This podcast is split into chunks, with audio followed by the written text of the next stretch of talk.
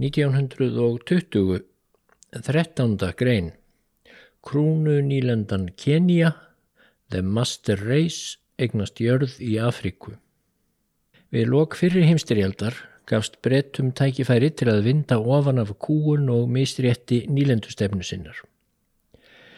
En eins og segir frá í þessari flækjusögu þá tóku þeir þver öfugan pól í hæðina í Kenju sem endaði svo með grimmilegri uppreysn rúmum 20 árum síðar.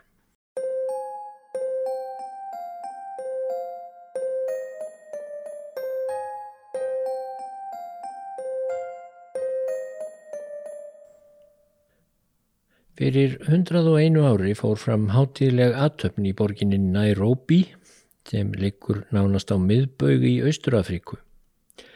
Kaki klættur breskur dáti gekk hermanlega að flagstöng og hófað að draga niður fána svo nefnds austur-afríska verndarsvæðisins sem brettar höfðu haldið úti á svæðinu í aldarfjörðung í krafti hervalds og teknilegra yfirburða. Þetta var blár fáni upp í vinstrahorninu var mynd breskafánans Union Jack en hægra megin var raukkljón í kvítri spóraskju. Viðstattir, aðalega breskir embættismenn og silkihúfur en einnig slæðingur innfætra samstarfsmanna þeirra, þeir byðu þegjandi meðan fánin var dreyin niður.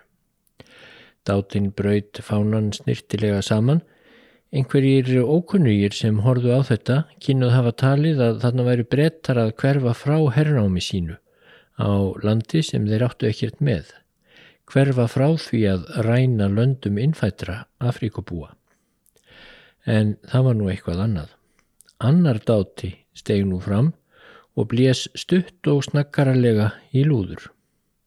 Þá byrtist þriðji dátin og helt líka á fána. Hann gekk virðulega að flagstönginni og fór að dragað húnni flagg krúnu nýlendunnar Keníu.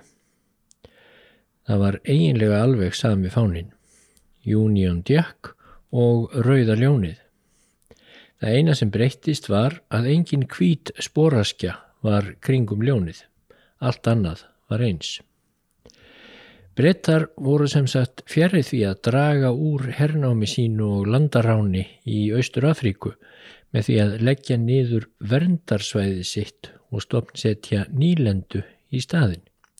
Þvertamóti voru þeir að festa það í sessi. Einmitt þegar brettar höfðu tækifæri eftir fyrri heimstriöld til að vinda ofan af misrétti því og kúun sem heimsveldi þeirra og nýlendur höfðu kallað yfir miljónir manna um víða veröld, þá vörpuðu þeir því tækifæri fyrir róða, léttu sem þeir sæ ekki skriftina á vegnum og kýldu í gang enn meiri kúun, enn meira misrétti. Og það átt eftir að hafa sínar afleðingar þegar hinn skjelvilega Mao Mao uppreist braust út í krúnu nýlendunni Kenju 22 árum síðar. Þá kostaði það óurlegt blóðbað og villimannleg hriðjuverk á báðabóa áður en blái fánin með Union Jack og rauðu ljóni var loks endanlega dreyin niður í Nairobi. Þótt Kenya sé við miðbaug er loftslag þar fremur myllt og notalegt sérstaklega á hásléttunni og í hæðardrögunum upp af strandsvæðinu áður en frumskóur mið-Afríku tekur við. Þar höfðu búið frá örofi alda hyrðingjar sem flökkuðu um með bústofn sinn. Á ströndinni komu og fóru í mis misvoldu ríki, oftar en ekki undir arabískri stjórn. Þá komst á mikil þrælaverslun, þannig að þrælaveiðimenn sóttu inn í landið og rændu fólki sem síðan var selt í þrældum í Araparíkjum, Persíu, Indlandi og víðar. Þegar Evrópumenn hófu siglingar sínar um heiminn á ofanverðri 15. öld settust Portugalir að á nokkrum stöðum á austurströnd Afríku.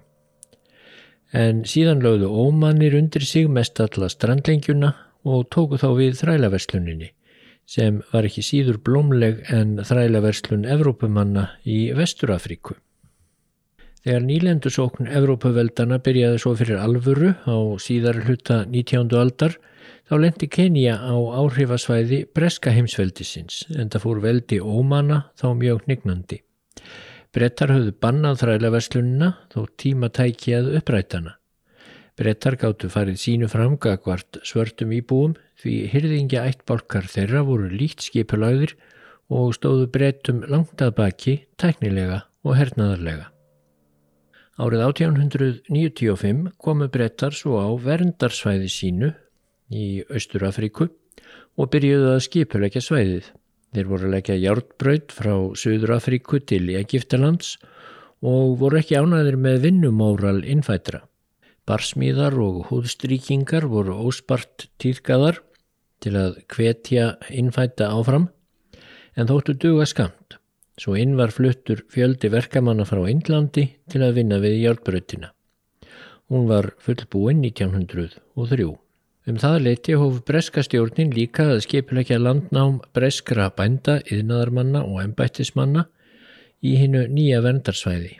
Margir urðu til að grípa þá gæs sem ódýrt eða jafnvel ókeipis landrými í hæðardrögum Keníu og neitanlega var. Smátt og smátt var æg meira landrými tekið traustatæki frá svörtum íbúum. Segir sig sjálft að brettar hirtu frjósömustu og auðugustu svæðin en hyrðingjar innfættra urðu að leita út á æ hrjóstrugri lendur með nautgripi sína og annan búfjönað. Svo sent sem árið 1918 var gefin út reglugerðum að svörtum íbúum veri hreinlega bannað að búa á svæðum sem hefði verið tekinn frá fyrir kvíta bændur, nema þá að þeir undirgengjust að vinna fyrir hinn að kvítu eigendur. Og kaupið var lágt og vinnan öll á forsendum hinn að kvítu landneima eða landræningja, ætti ég kannski frekar að kalla þá. Flestir hinn að bresku landneima voru ekkert annað en ótíndir rasistar og kannski ekki að undra því brest skólakerfi hafði í áratugi og jafnvel aldir innprentaði í bretta að þeir og Evrópamenn almennt væru afbragð annara manna og frumstæðar þjóður um víða veröld mættu þakka fyrir það hlutskipti að verða undirsátar þeirra í nýlendum og á verndarsvæðum. Einnina bresku landnema í Kenju saði fullum fettum í samtali við breskan Hermann árið 1902 að kvítimadurinn væri The Master Race eða æðsti kynstofnin í veröldinni og svartir íbúar nýlendna yrðu aldrei annað en ódýrt vinnuafl og þrælar. Það voru sem sé fleiri en Adolf Hitler og þýskir nazistar sem töluðu hyggsta laust um The Master Race. Ekki bætt úr skák fyrir innfætta að þó nokkur fjöldi bændafólks af búaættum frá Suður Afríku flutti norður til Keníu til að fá aukið landrými en búar voru miklir rasistar frá fornum fari.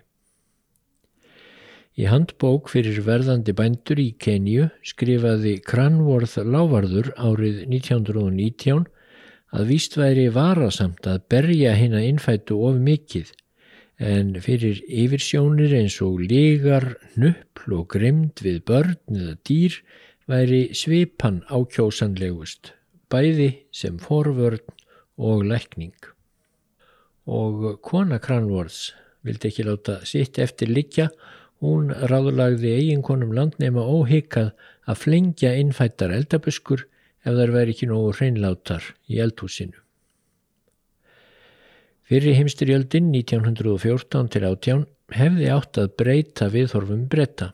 Íbúar nýlendnanna flyktust margir í breska herin þegar heimsveldið kallaði á neyðarstundu og leintiða ljóst fylgdi sögunni að í staðin fyrir að þjóna í breska hernum þá fengju innfættir íbúar nýlendnanna aukna sjálfstjórn. Öllum skynsömmum mönnum mátti líka vera ljóst að heimsvelda yfirráð nýlendustefnunnar gengi ekki endalust. Árið 1920 voru kvítrimenn í Kenju til dæmis 10.000 og indversk ættaðir íbúar 23.000 en svartir íbúar sem hefðu miklum mun minni réttindi Þeir voru hins vegar þrjár miljónir. Meira að segja inngróin rasisti eins og Woodrow Wilson, bandaríkjaforsitti, vildi láta slaka á nýlendustefnunni um víða veröld og auka áhrif innfættra stórlega. En nú voru líka komnir á lappirnar öflugir þrýstihópar breskrar yfirstjættar á verndarsvæðum og í nýlendum og mátt ekki til þess hugsa að neittir því blakað við yfiráðum þeirra. Margir hinn að nýju bænda höfðu vissilega sínt mikinn dugnað og elju við að byggja upp bíli sín. Þeir höfðu eignast börn og buru og litorðið á landið sem sína ævarandi eign, en það kunnum en vel við sig í hlýju loftslæginu og fagru landslægi hæðardragana í Kenju. Þá höfðu bresk stjórnvöld líka í higgju að leifa fjölda hermanna úr skotgröfum vesturvíkstöðvanna að setja stað í Kenju og gerast bændur á svæðum sem tekin höfðu verið frá hennum innfættu. Þess vegna var ekkert hlustað á rattir um að tímabært væri að endur skoða nýlendustefnuna og þess vegna var verndarsvæðinu nú breytt í krúnu nýlendu árið 1920. Með því voru yfiráð breyta staðfest en jafnframt fært í form að bresk ættaða yfirstjettin hefði líka yfir stjórn nýlendunar að segja ásamt stjórninni í London. Bresku bændurinnir í Kenju bröðust illa við þegar eitthvað örlaði á skilningu á réttindabaráttu svartra íbúa í London.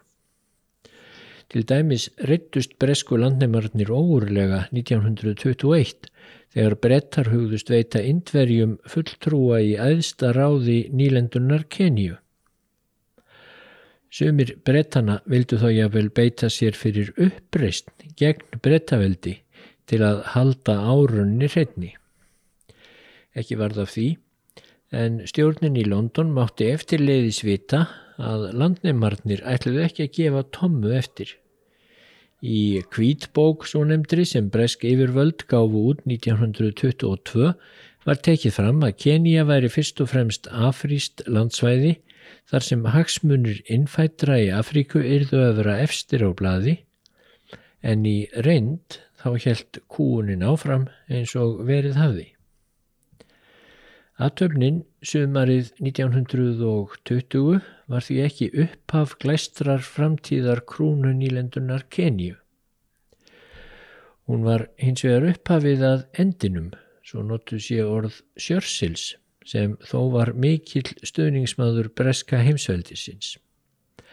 Næstu áratugi kræmaði og byllaði sífelt heitar óánægi innfættra uns upp úr sögð árið 1952. Þá braust og má uppreysnin út, einhver villimannlegasti kaplinn í þó svo ljótri sögu 20. aldarinnar. En frá og má uppreysninni segir áraðanlega einhver tíman setna.